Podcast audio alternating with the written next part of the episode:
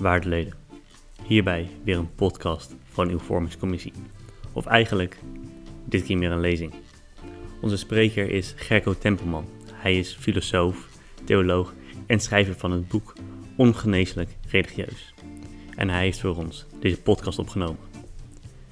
Hij zal het onder andere gaan hebben over ultiem vervuld verlangen, over de spiegelfase en natuurlijk zullen weer een aantal filosofen aan bod komen.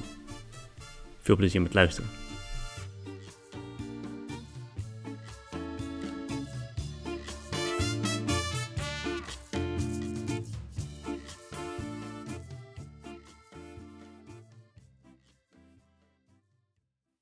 Vlak voor mijn 18e verjaardag ging ik op bezoek bij een professor.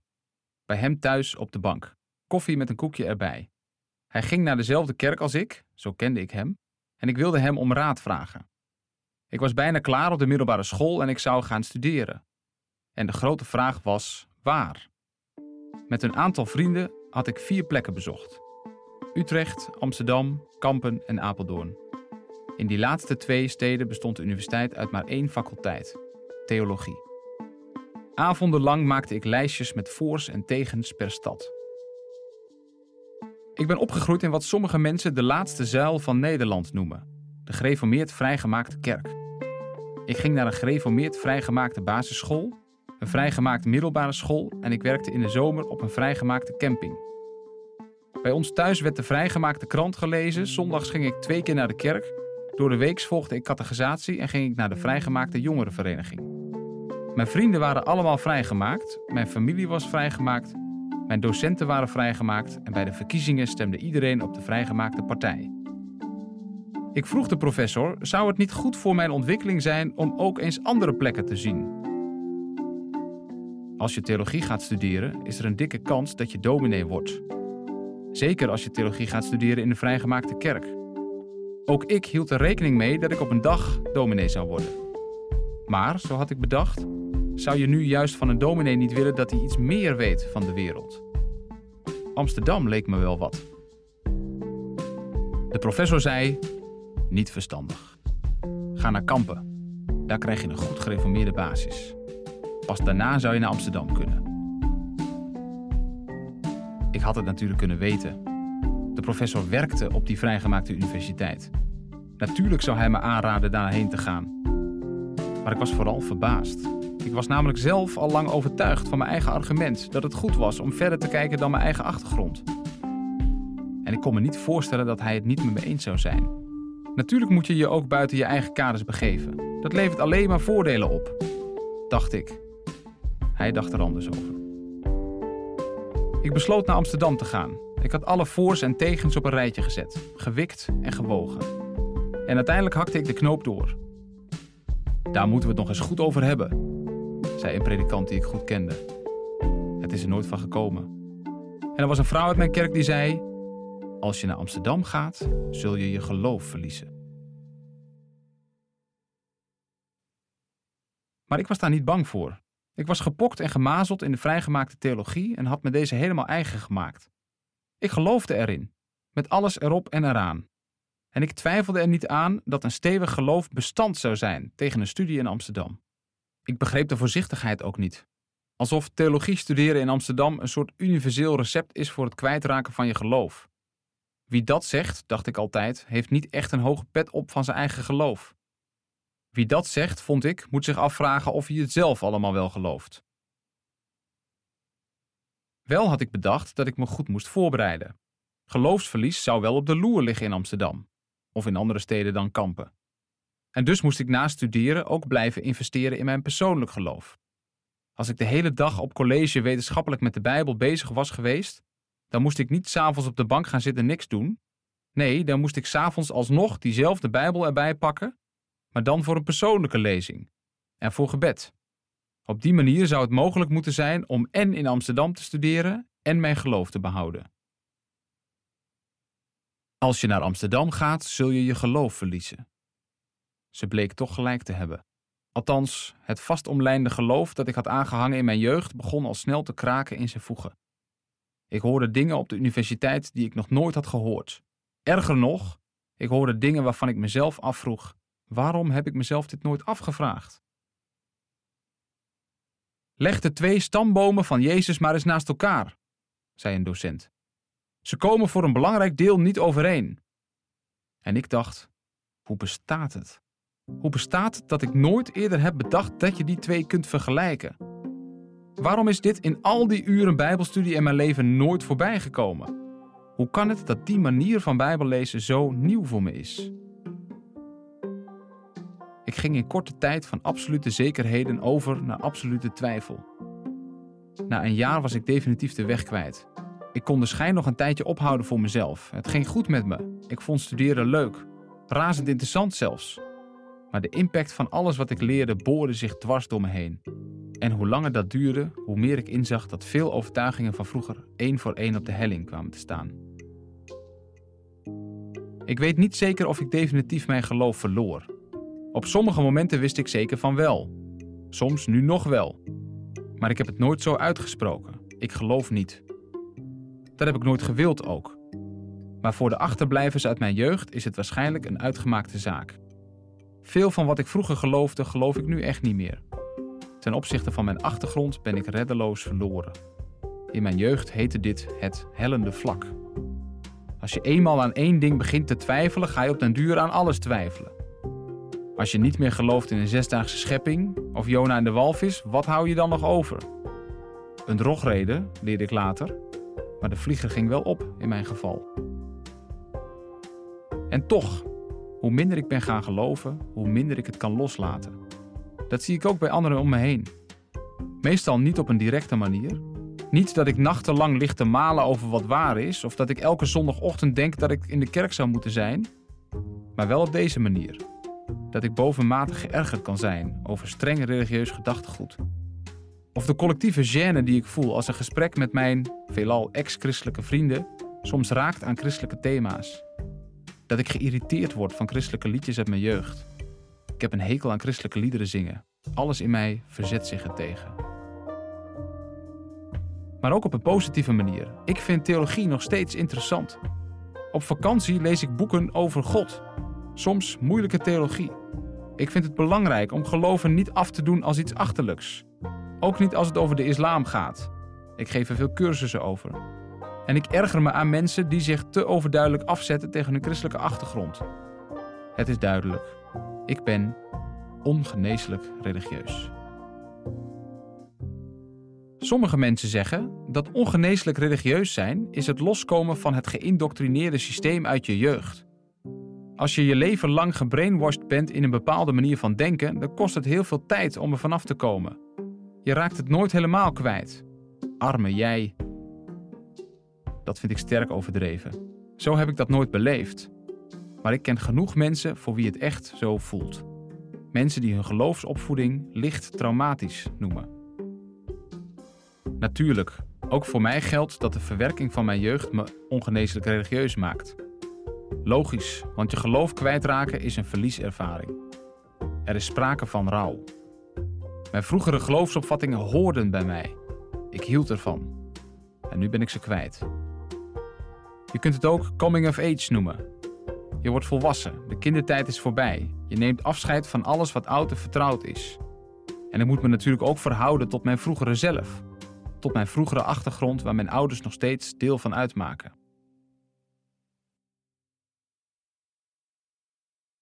Geloof jij eigenlijk in God? Meestal wel. Ik heb geen definitieve keuze gemaakt. Je zou het ook zo kunnen zeggen. Die vrouw uit mijn kerk, die is nog niet van me af. Ik heb de strijd nog niet opgegeven. Als je naar Amsterdam gaat, zul je je geloof verliezen. Wacht nog heel even. Kiezen voor wat je gelooft, zo makkelijk is dat nog niet. Maar ik vind het ook te makkelijk om domweg over te nemen wat de meeste mensen om mij heen geloven. Een gelovige filosoof, of in ieder geval niet een ongelovige filosoof, soms kom ik er bijna niet mee weg. Mensen roepen me tot verantwoording, alsof het zo klip en klaar is. Alsof het ondertussen al lang bewezen is dat God niet bestaat. Nee, in die zin vind ik het filosofischer om juist geen keuze te maken. Niet dat ik terug wil naar vroeger.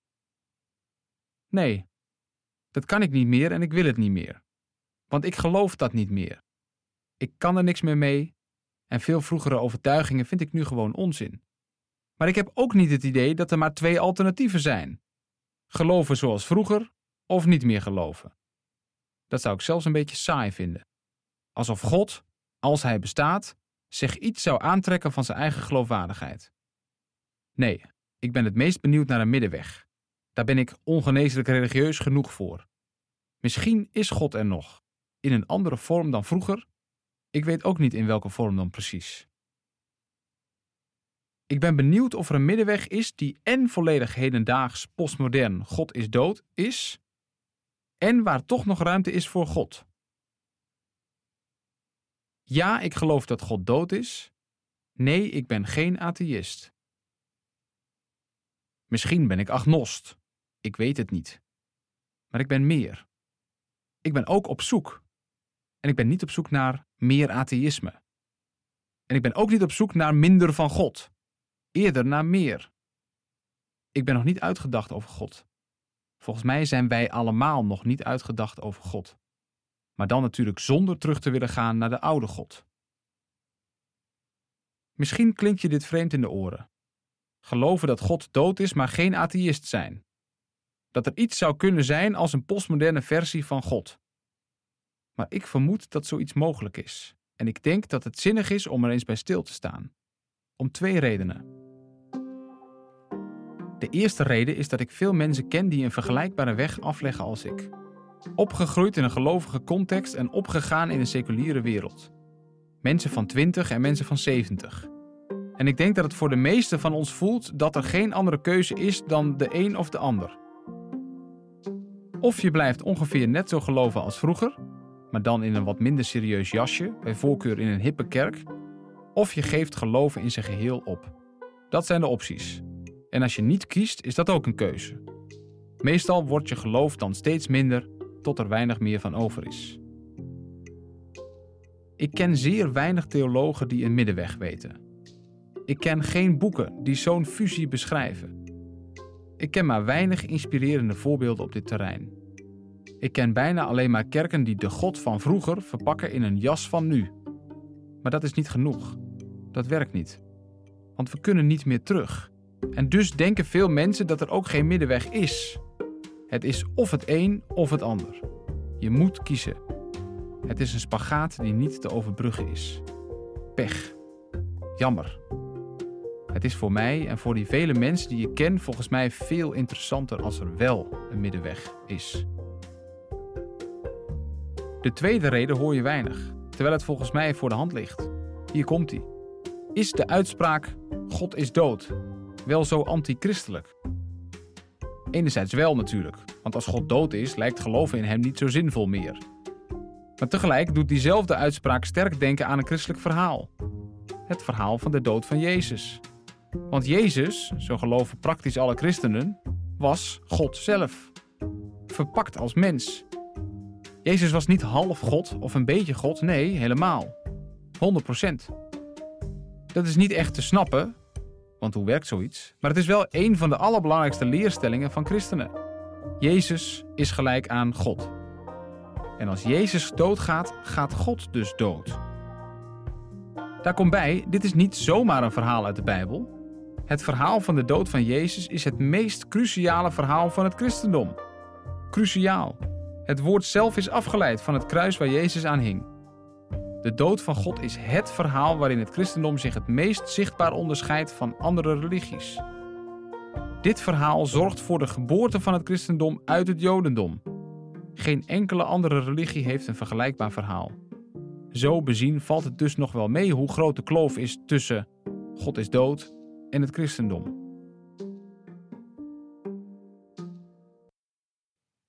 Sinds oktober 2017 heb ik een zoontje. Elon heet hij. Zijn verschijning in mijn leven was het meest heftige wat me ooit is overkomen. De eerste zes maanden waren hard werken. Daarna begon hij te lachen, ons te herkennen, rond te kruipen en zijn eerste gelijkjes te maken. Toen werd het snel veel leuker. Elon was geen goede slaper. Hij sliep wel in, maar werd vaak wakker. Soms om het uur. Dat kon de hele nacht doorgaan. Dus ik zat regelmatig naast zijn bed, om hem te bedaren en weer in slaap te brengen. Als ik daar zo zat, dan vroeg ik me af wat Elon precies ervaren van zijn leven, nu hij zo jong was. Hij weet nog niet dat hij bestaat. Dat hij iets is. Een mens, een iemand. En dat er andere dingen, mensen, iemanden zijn. En dat er ook andere dingen, mensen, iemanden zijn. Daar heeft hij nog geen flauw benul van. Hij wordt enkel en alleen geleid door zijn impulsen en behoeftes. Maar er komt een dag dat Elon beseft dat hij een mens is. Misschien plotseling. Wanneer is dat moment? De psychoanalyticus Jacques Lacan heeft erover nagedacht. Hij zegt dat het ergens tussen de 6 en 18 maanden is. Het is een belangrijk moment, stelt Lacan. Hij noemt het de spiegelfase. Het zou namelijk heel goed kunnen gebeuren voor de spiegel. Het kind ziet zichzelf en realiseert zich opeens dat wat hij ziet niet zomaar iets is, maar dat hij dat zelf is. Sinds ik Lacans theorie gelezen heb, hou ik Elon elke dag voor de spiegel. Hij zwaait naar zijn spiegelbeeld. Maar volgens mij begrijpt Elon, op een moment van schrijven, nog niet dat hij dat is die zwaait en terugzwaait. Hij vraagt zich hoogstens af naar welke vader hij moet kijken: degene die hem vasthoudt of degene in de spiegel. En dan is hij alweer afgeleid door iets anders.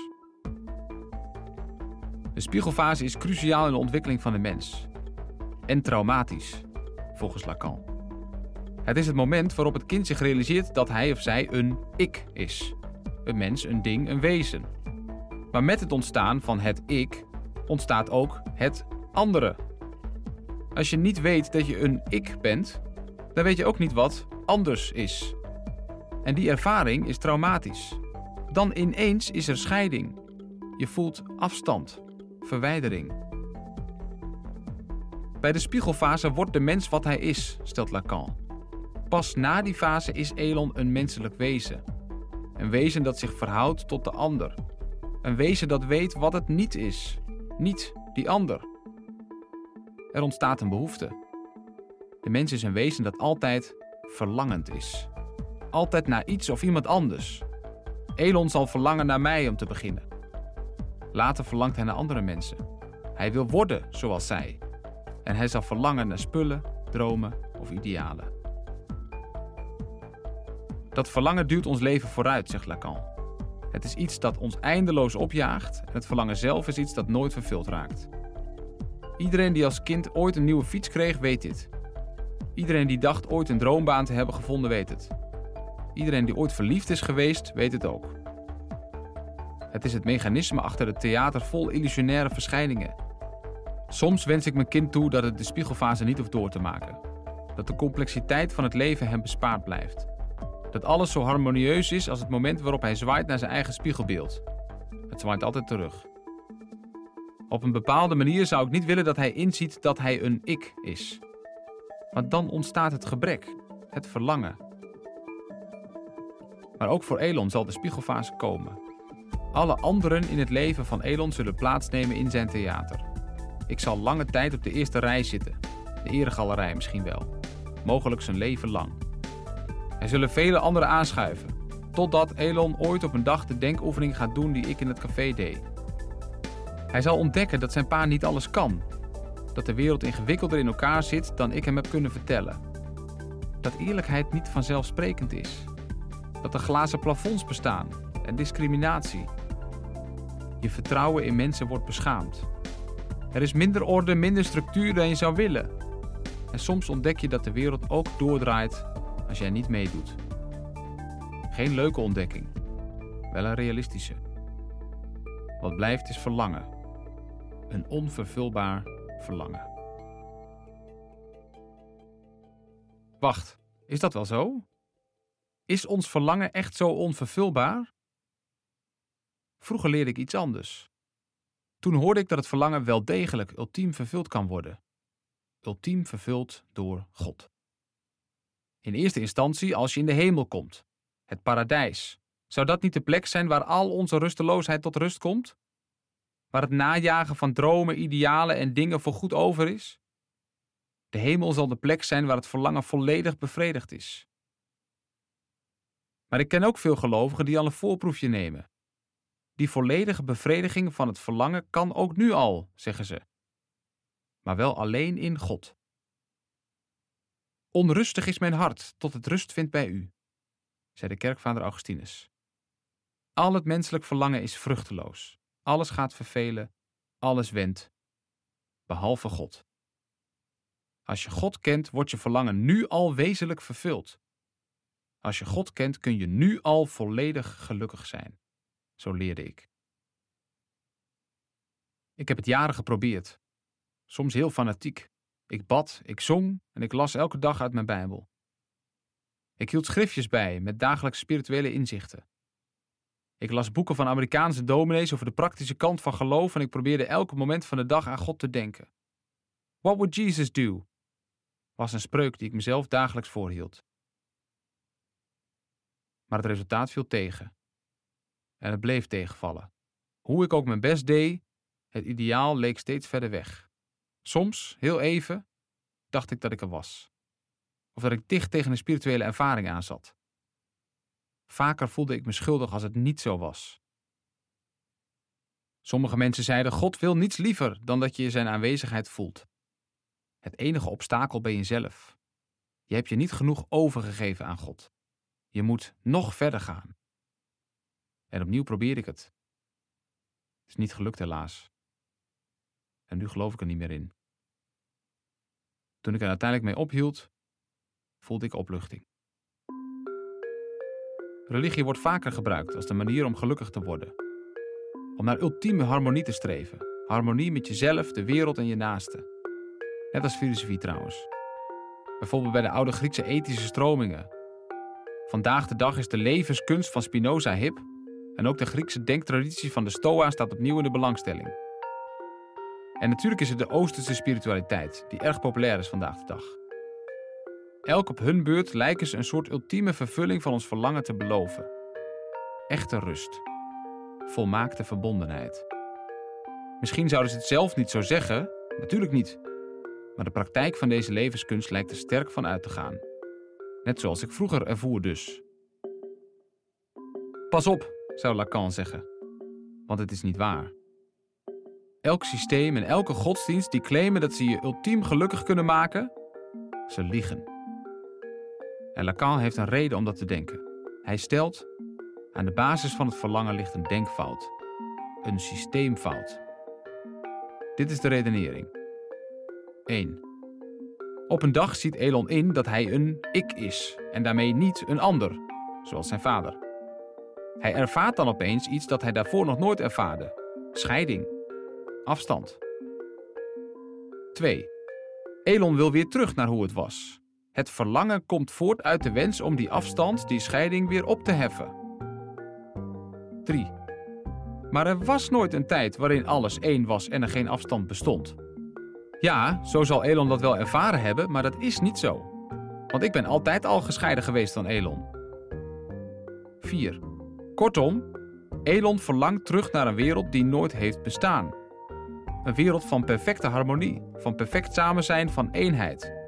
Maar die wereld was er nooit. Het is een sprookjeswereld. Anders gezegd, het is een illusie. De sprookjeswereld waar Elon naar verlangt, bestaat niet. Net zoals de mensen in je theater niet bestaan. Het menselijk verlangen is een onvervulbaar verlangen omdat het voortkomt uit een illusie. Mens zijn, volgens Lacan, is geloven in een sprookje dat nooit uitkomt. Deze denkfout overkomt ons allemaal, stelt Lacan. Niet bewust, natuurlijk niet, maar onbewust. Daarom blijven mensen verlangen. Ze blijven zoeken. Zoeken naar bevestiging van andere mensen zoeken naar vervulling, zoeken naar harmonie. Daarom trekken mensen zich zoveel aan van wat anderen vinden. En daarom kunnen mensen zo vasthoudend zijn aan idealen. Maar uiteindelijk is deze drive vruchteloos. Het verlangen zal altijd onvervuld blijven. De filosoof Peter Rollins gebruikt christelijke termen voor. Het eeuwige, onvervulde verlangen, zegt hij, dat noem ik erfzonde. We hebben het allemaal en het is iets dat niet goed zit. En alles dat claimt de vervulling te zijn van dat verlangen, dat noemt hij een afgod. Geld, relaties, carrière en idolen, zoals mijn pa, ga zo maar door. Allemaal in potentie afgoden. Grote dromen. Allemaal grote dromen die nooit worden waargemaakt. Hollywood draait erop. Uitzendbureaus dwepen ermee. De bankenwereld stelt zich erop in. Nee, natuurlijk zeggen we dat we er niet in geloven. We zijn niet gek. Maar ons handelen laat iets heel anders zien. Ons handelen toont dat we er wel degelijk in geloven. Vrij stevig zelfs. Ik weet nog een grote droom, zou Peter Rollins zeggen. God is ook een grote droom. God, als je daarmee iets bedoelt dat je verlangen kan stillen, zegt Rollins. Als je claimt dat je gelukkig en voldaan wordt als je God leert kennen. Natuurlijk, net als met verliefd zijn kun je misschien een tijdje denken en ervaren dat je het helemaal gevonden hebt. Maar vroeg of laat zie je in dat ook God het verlangen niet wegneemt. Niet ultiem bevredigt. God als grote droom, ook God is een illusie.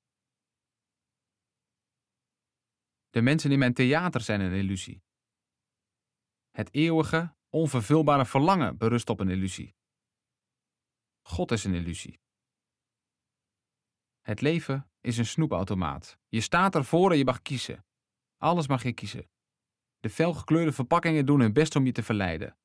Allemaal beloven ze je dat zij echt de lekkerste, beste, mooiste zijn. Dat ze je ultiem zullen bevredigen. En vaak staat het christendom ertussen. Kies mij, kies God, roept het. Net als alle andere verpakkingen. Ik ben de lekkerste. Met mij word je ultiem gelukkig. Maar het is niet waar. Het is een leugen. Het christendom liegt net zo hard als alle andere grote dromen. Of niet? En dat is wat Nietzscheaanse filosofen nou zo fascinerend vinden aan het christendom. Dat is waar de beweging van radical theology begint. Kijk eens opnieuw naar de snoepautomaat, stellen deze denkers. Roept het christelijke verhaal dan hetzelfde als al die andere verhalen of roept het iets anders? Kan het zijn dat het niet roept: kies mij, kies God, maar juist het tegenovergestelde? Is het niet zo dat het christelijke verhaal juist doet wat geen van de grote dromen doet? Hedendaagse filosofen lezen de Bijbel met een nihilistische bril. Ze lezen het verhaal van Job. Ze lezen het verhaal van Jezus aan het kruis. En ze concluderen het tegenovergestelde van wat ik geleerd heb. Deze filosofen zien in het christendom geen grote droom als alle anderen, maar een aanklacht tegen grote dromen in het algemeen. Het is de dag voor het Joodse feest Pesach, rond het jaar 30 na Christus. Het is druk in Jeruzalem, want Joden uit de hele wereld zijn naar de stad van David gekomen om het Pesachfeest te vieren. De aanwezige Romeinse soldaten proberen de stromen mensen in goede banen te leiden. Natuurlijk wordt hun aanwezigheid niet op prijs gesteld. Ze zijn de bezetters. Er zijn ook Romeinse soldaten die met een andere opdracht bezig zijn: het ter dood brengen van enkele misdadigers. Snel, vandaag nog, voordat vanavond het Pesachfeest begint. Op Pesach willen de Joden niet dat de mensen ter dood worden gebracht. Maar het kan nog net voor die tijd. Drie mensen worden door de soldaten buiten de stad geleid. Elk van hen heeft een kruis op zijn rug. Ze zijn gegezeld, verzwakt. Ze zien de bijl hangen. Een van hen is Jezus van Nazareth. Hij heeft de afgelopen tijd wat reuring veroorzaakt in de stad. Af en toe heb je van dat soort types binnen het Jodendom. Ze reizen enkele jaren het land door zien zichzelf als profeet en roepen op tot bekering. Ze krijgen een groep mensen achter zich aan. En dan is het oppassen geblazen, want meestal wil zo'n profeet uiteindelijk de Romeinse machthebbers van de troon stoten. Dat is vaak het moment waarop de Romeinen ingrijpen. Ook nu was dat het geval. Jezus' volgelingen hadden hoge verwachtingen van hem. Een deel noemde hem de Zoon van God. Een gevaarlijke titel als je weet dat de keizer van Rome die titel graag voor zichzelf bewaart. Natuurlijk werd Jezus ook koning van de Joden genoemd. Dat was volgens velen immers de ambitie: de Romeinen verdrijven. Maar net als bij zijn voorgangers werd de opstand in de kiem gesmoord. Met hulp zelfs van Joodse schriftgeleerden. Moet je hem nu eens zien, strompelend met dat kruis op zijn rug. Weg grote verwachtingen. Pilatus, de Romeinse heerser, vond het waarschijnlijk ook vermakelijk, want hij heeft opdracht gegeven om deze opstandeling een naam te geven. Geschreven op het bordje boven het kruis: Koning van de Joden. In vier talen. Leuke waarschuwing voor iedereen die onderweg is naar de stad en iets te groot over zichzelf denkt. De optocht is gearriveerd bij de berg Golgotha. De Romeinen gaan aan het werk. Ze brengen de kruisen in gereedheid. En Jezus wordt opgehangen aan het kruis. paar van zijn volgelingen zijn erbij. Ook zijn moeder is er. Ze huilt. Sommige mensen lachen Jezus uit. Als je echt God bent, kom dan van het kruis af, roepen ze. God is toch alvermogend? Maar Jezus blijft hangen. Jezus' volgelingen staan bedremmeld bij het kruis. Ze kunnen niet geloven wat ze zien. Hun droom is uiteengespat. Hun wereld stort in. Ze hadden Jezus te veel waarde toegedicht. Hij had een te belangrijke plek in hun levenstheater. Maar daar hing hij. Hij bleek niet te zijn wat ze verwacht hadden. Als hij bijna sterft, roept de gekruisigde het uit, met zijn laatste krachten. Mijn God, mijn God, waarom hebt u mij verlaten? Dan sterft hij, nog ruim voor het Pesachfeest begint. Iedereen kent dit verhaal. Het symbool voor het christendom, het kruis, is ervan afgeleid. Het is een van de kernverhalen uit de Bijbel. Jezus ging dood. Ja, God ging dood. Elk jaar in het paasweekend wordt deze gebeurtenis herdacht. Als je er met een buitenstaanders perspectief naar kijkt, zo heb ik het hierboven beschreven, is het moeilijk te bevatten wat hier precies gebeurt. Natuurlijk zijn er allerlei theologische uitleggen over waarom Jezus niet van het kruis afstapte. De belangrijkste uitleg is dat het Gods manier was om de zonde te vergelden. Maar deze uitleg is niet oncontroversieel. Veel van de uitleggen van het kruisverhaal gaan bewust of onbewust uit van een snoepautomaat. Het kruis is de oplossing voor een probleem. Een levensgroot probleem. Het kruisverhaal is de spil waardoor alles weer gaat kloppen. Het is Gods oplossing voor een netelige kwestie en wij mensen plukken er de vruchten van. Het is een verhaal dat gaat over een goede afloop, de hemel. Of desnoods een betere verbinding tussen God en mens. Een goede afloop die niemand meer had zien aankomen. Mede mogelijk gemaakt door de kruisdood van Jezus. Maar vanuit het buitenstaanders perspectief, zoals hierboven beschreven, ziet het er anders uit.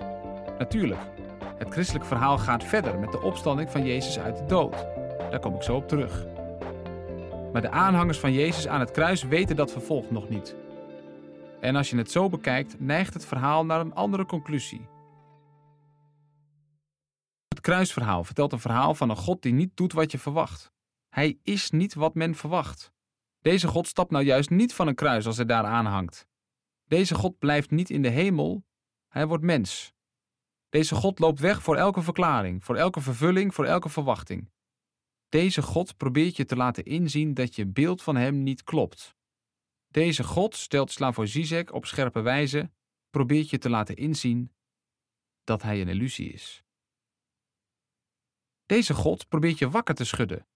Hij zit in je theater, maar hij hoort daar niet.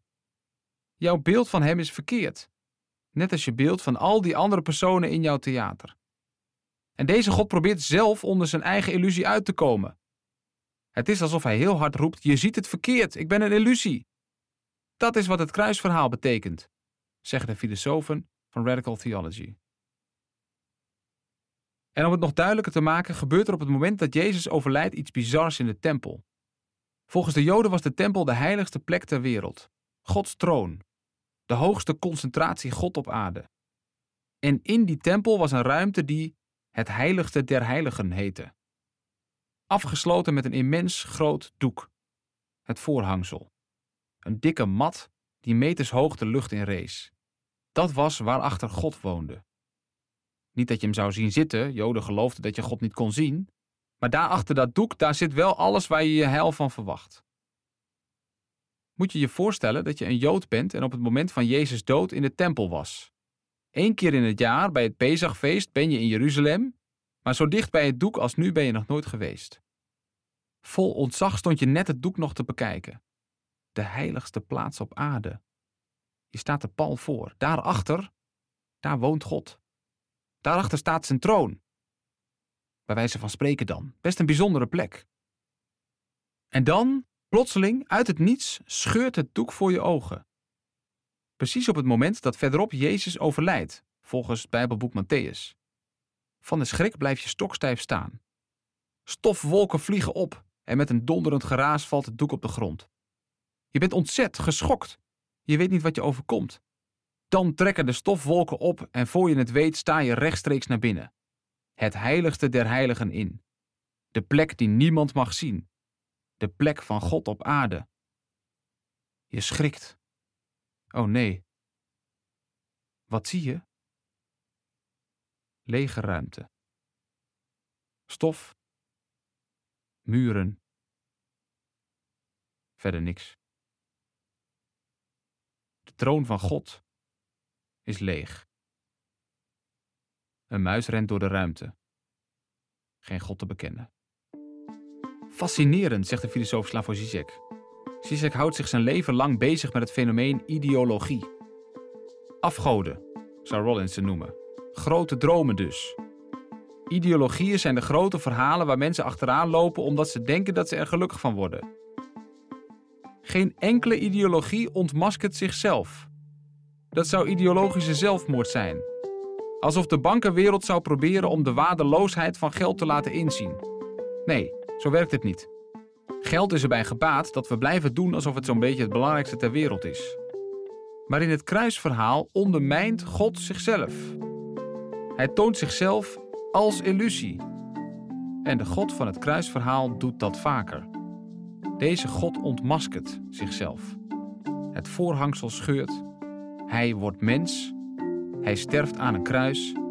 Hij doet alles wat een God niet zou moeten doen. Juist niet. Deze God is continu bezig om onder een bepaalde voorstelling uit te willen komen. Deze God ontmaskert zichzelf. Hij wil weg uit je theater. Het is je reinste nihilistische God. Een postmoderne God. Een God die niet met antwoorden komt, maar voor de antwoorden wegloopt. Een God die geen verklaring geeft waar je die juist van hem verwacht. Een God die alle beschrijving, alle verwachting, alle interpretatie schuwt. Daarom nihilistisch. Wie is deze God? Geen idee.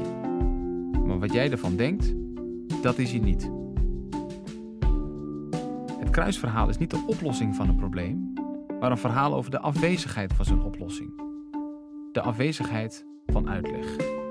De afwezigheid van orde. Alles wat je denkt, moet op de helling. Dit is een verhaal dat de structuur van logica ontwricht. Het loopt weg voor verklaringen. De kruisdood van God betekent The End of Meaning, zoals een boektitel het zegt. Het is een verhaal over absolute zinloosheid. Fascinerend, zegt Zizek. Wacht, zouden christenen zeggen. Het verhaal gaat verder. Dat is nou juist de clue. God sterft niet alleen, hij staat ook weer op. Hij was dood, maar hij werd weer levend. Gelukkig, de hoop is terug. God is wel het antwoord. Maar Zizek en Rollins trappen op de rem. Hun tempo ligt lager. Zij lezen het christendom met een postmoderne bril. De bril van Nietzsche. En ze waarschuwen theologen: wals niet te makkelijk over de kruisdood heen. Ga niet te snel over tot de orde van de dag. De opstanding is geen quick fix, geen eindgoed al goed. Wie dat zegt, neemt het kruisverhaal niet serieus. Jezus, de man van wie mensen zeggen dat hij God is, hangt aan een kruis. Enkele van zijn leerlingen staan erbij. Mogelijk hopen ze nog dat er een wonder gebeurt. Zoals ze misschien zoveel wonderen hebben gezien. Als Jezus echt God is, en dat geloven ze nog wel, dan zal hij niet sterven. Hij komt op het allerlaatste moment toch nog van dat kruis af. Maar Jezus sterft wel. Vlak voordat hij sterft spreekt hij zijn laatste woorden uit. Mijn God, mijn God, waarom hebt u mij verlaten? Een herkenbare vraag. Het is de waarom-vraag. De ultieme, God ondermijdende waarom-vraag. Ook Jezus stelt deze vraag. Jezus stelt de vraag aan God. Maar hij is zelf God. Samen met de Vader en de Geest, zo geloven christenen.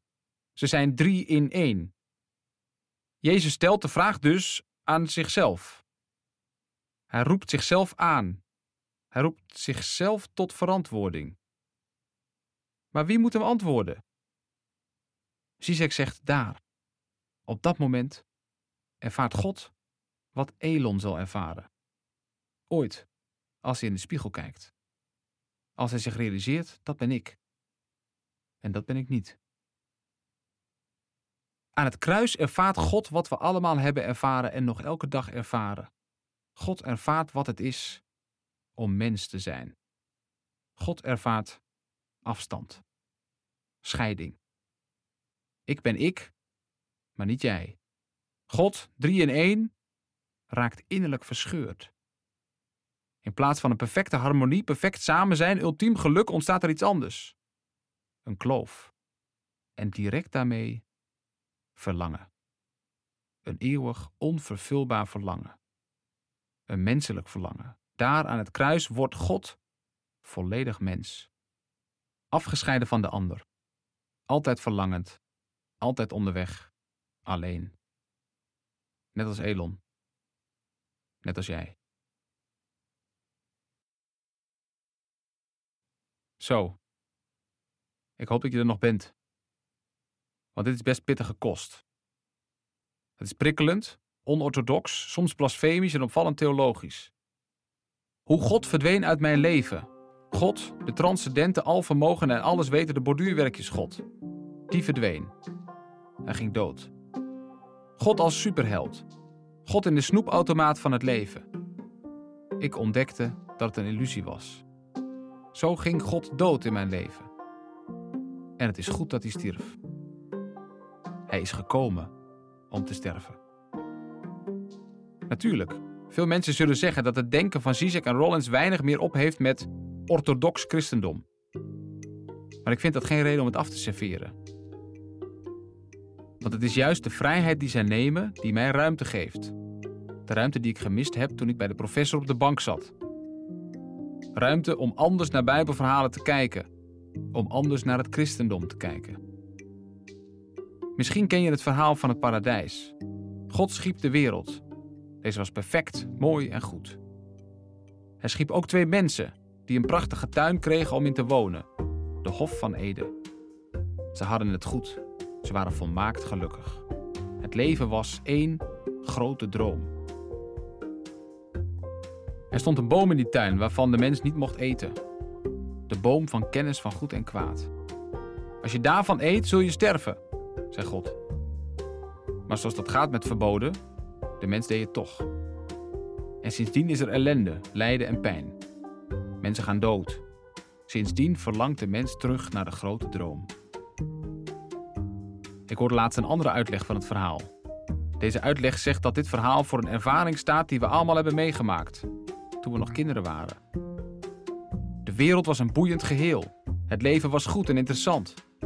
We waren geborgen bij onze ouders. Wie maakte ons wat? En op een dag gebeurde het. We deden iets waarvan we ons direct realiseerden dat het foute boel was. Een snoepje gejat, een vriendje te hard geslagen, onze moeder uitgescholden. De eerste zonde. Sommige mensen weten nog precies wanneer dat was. We voelden voor het eerst een diep gevoel van spijt. Op dat moment barst de spiegel. Je kristallen wereld spat uiteen. Je hebt niet alleen een domme fout begaan, de hele wereld heeft haar onschuld verloren. De glans is eraf, de ban is gebroken. En dat is jouw schuld. Het is een rotervaring. Het is het ontstaan van de kennis van goed en kwaad. Voor jouzelf en je hele wereld. Een rotervaring, maar wel een volwassen ervaring. Eén die je vroeg of laat tegenkomt. Een ervaring om even flink van te balen en dan weer verder te gaan. Alleen. Filosoof Friedrich Nietzsche zou het amor fati noemen. Wacht, alleen? Is er nog plek voor God in dit verhaal? Blijft God nog ergens? Ik ken veel mensen die alleen overblijven. God verdween uit hun leven. Deze God, de God die alles kan en alles oplost. Er bleef niks over. Eerst was er deceptie, verlies, rouw. Toen rechten ze hun rug en gingen ze verder. Alleen. Zonder God. Is dat de enige logische optie? Is dat de onvermijdelijke conclusie van leven in de postmoderne tijd? Moet je hoe dan ook vroeg of laat geloven in God achterlaten? Anders gezegd, klopt het wat die vrouw uit mijn kerk zei? Als je naar Amsterdam gaat, zul je je geloof verliezen. Is het christelijk verhaal uitgepraat? Ik twijfel. En de filosofen die ik hier behandel geven me gelijk. Als Zizek zich helemaal heeft verdiept in het christelijke verhaal, dan spreekt hij als een volleerd theoloog. Citaat. Wanneer ik als mens ervaar dat ik afgesneden ben van God, ben ik, op dat moment van de diepste rampzaligheid, heel erg dicht bij God. Omdat ik me bevind in de positie van de in de steek gelaten Christus. Einde citaat. Het is een paradox. Maar op het moment dat je inziet dat God niet is wat je dacht dat hij was, als je ontdekt dat God een illusie is op het hoogtepunt van je ongeloof, precies dan kom je het dichtst in de buurt bij God. Dat is het christendom door een postmoderne bril. Ja, God is dood, zegt het. Maar op een bepaalde manier is hij terug. Op een nieuwe manier. Niet op een mosterd na de maaltijd manier. Niet het laatste restje sentiment voor een postchristelijke maatschappij. Nee, deze manier beroept zich op het kernverhaal van het christendom. Het cruciale verhaal. En het stelt dat het christelijke verhaal in deze vorm niet tegengesteld is aan de God is dood filosofie, maar ermee samenvalt. Wat heb je hieraan? Ik heb er dit aan. Het christelijk verhaal is niet rijp voor de sloop. Integendeel. In de God is dood tijd kan het christelijk verhaal handvatten geven voor iedereen met een God is dood ervaring. Als je het christelijk verhaal op deze manier gaat lezen, dan lijkt het op het luisteren naar de singer-songwriter die zingt over liefdesverdriet. Je draait haar plaat grijs juist op de momenten dat jij vol zit met dat liefdesverdriet. Niet omdat dat helpt. Je liefdesverdriet gaat niet opeens over. Je weet nog steeds niet hoe het verder moet. Maar je vindt erkenning voor dat wat je voelt. En je weet dat je niet de enige bent. Op de lange termijn helpt het je om je verdriet een plaats te geven en verder te kijken naar de toekomst. Dat wil ik doen in het volgende hoofdstuk. Zizek heeft een boodschap aan atheïsten. Hij zegt: als je echt atheïst wil zijn, eentje zonder een reactieve pesterige houding en zonder ongeneeslijke nostalgie, iemand die zijn ongeneeslijke religiositeit te boven is gekomen, dan moet je dit doen.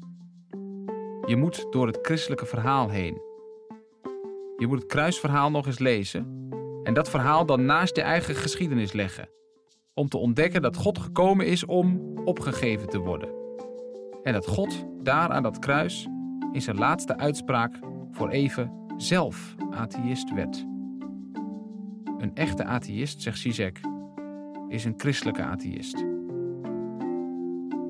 Ik denk dat hij gelijk heeft. Ik denk dat veel hedendaagse mensen wel zeggen te zijn gestopt met geloven in God, maar dat uit hun handelen blijkt dat ze behoorlijk ongenezen religieus zijn. De God waar ze zich over opwinden of de God waar ze soms nog een kaarsje voor aansteken. Het is de God die nog niet van zijn illusie is ontdaan. De meeste mensen hebben God nog niet gekruisigd zoals God zichzelf gekruisigd heeft. Veel mensen hebben nog gewoon een God in hun theater zitten, ook al zeggen ze van niet. En voor die God in hun theater geldt hetzelfde als voor al die andere figuren in dat theater. Ze bestaan niet. Het zijn illusies. Ook God is een illusie beter als hij sterft. Een echte atheïst is een christelijke atheïst, zegt Zizek. Ik draai zijn boodschap om. Dan wordt het een boodschap voor mensen die, zoals ik, helemaal niet per se atheïst zouden willen zijn. Komt-ie. Als je echt christen wilt zijn, dan moet je door het verhaal van Nietzsche heen. De volledige beleving van de dood van God. Het is een paradoxale beweging beweging waar de dood van God ruimte schept voor iets nieuws.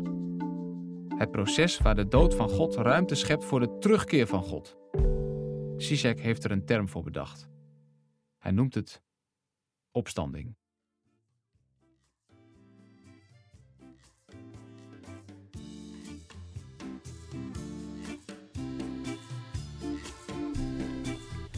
Bedankt voor het luisteren.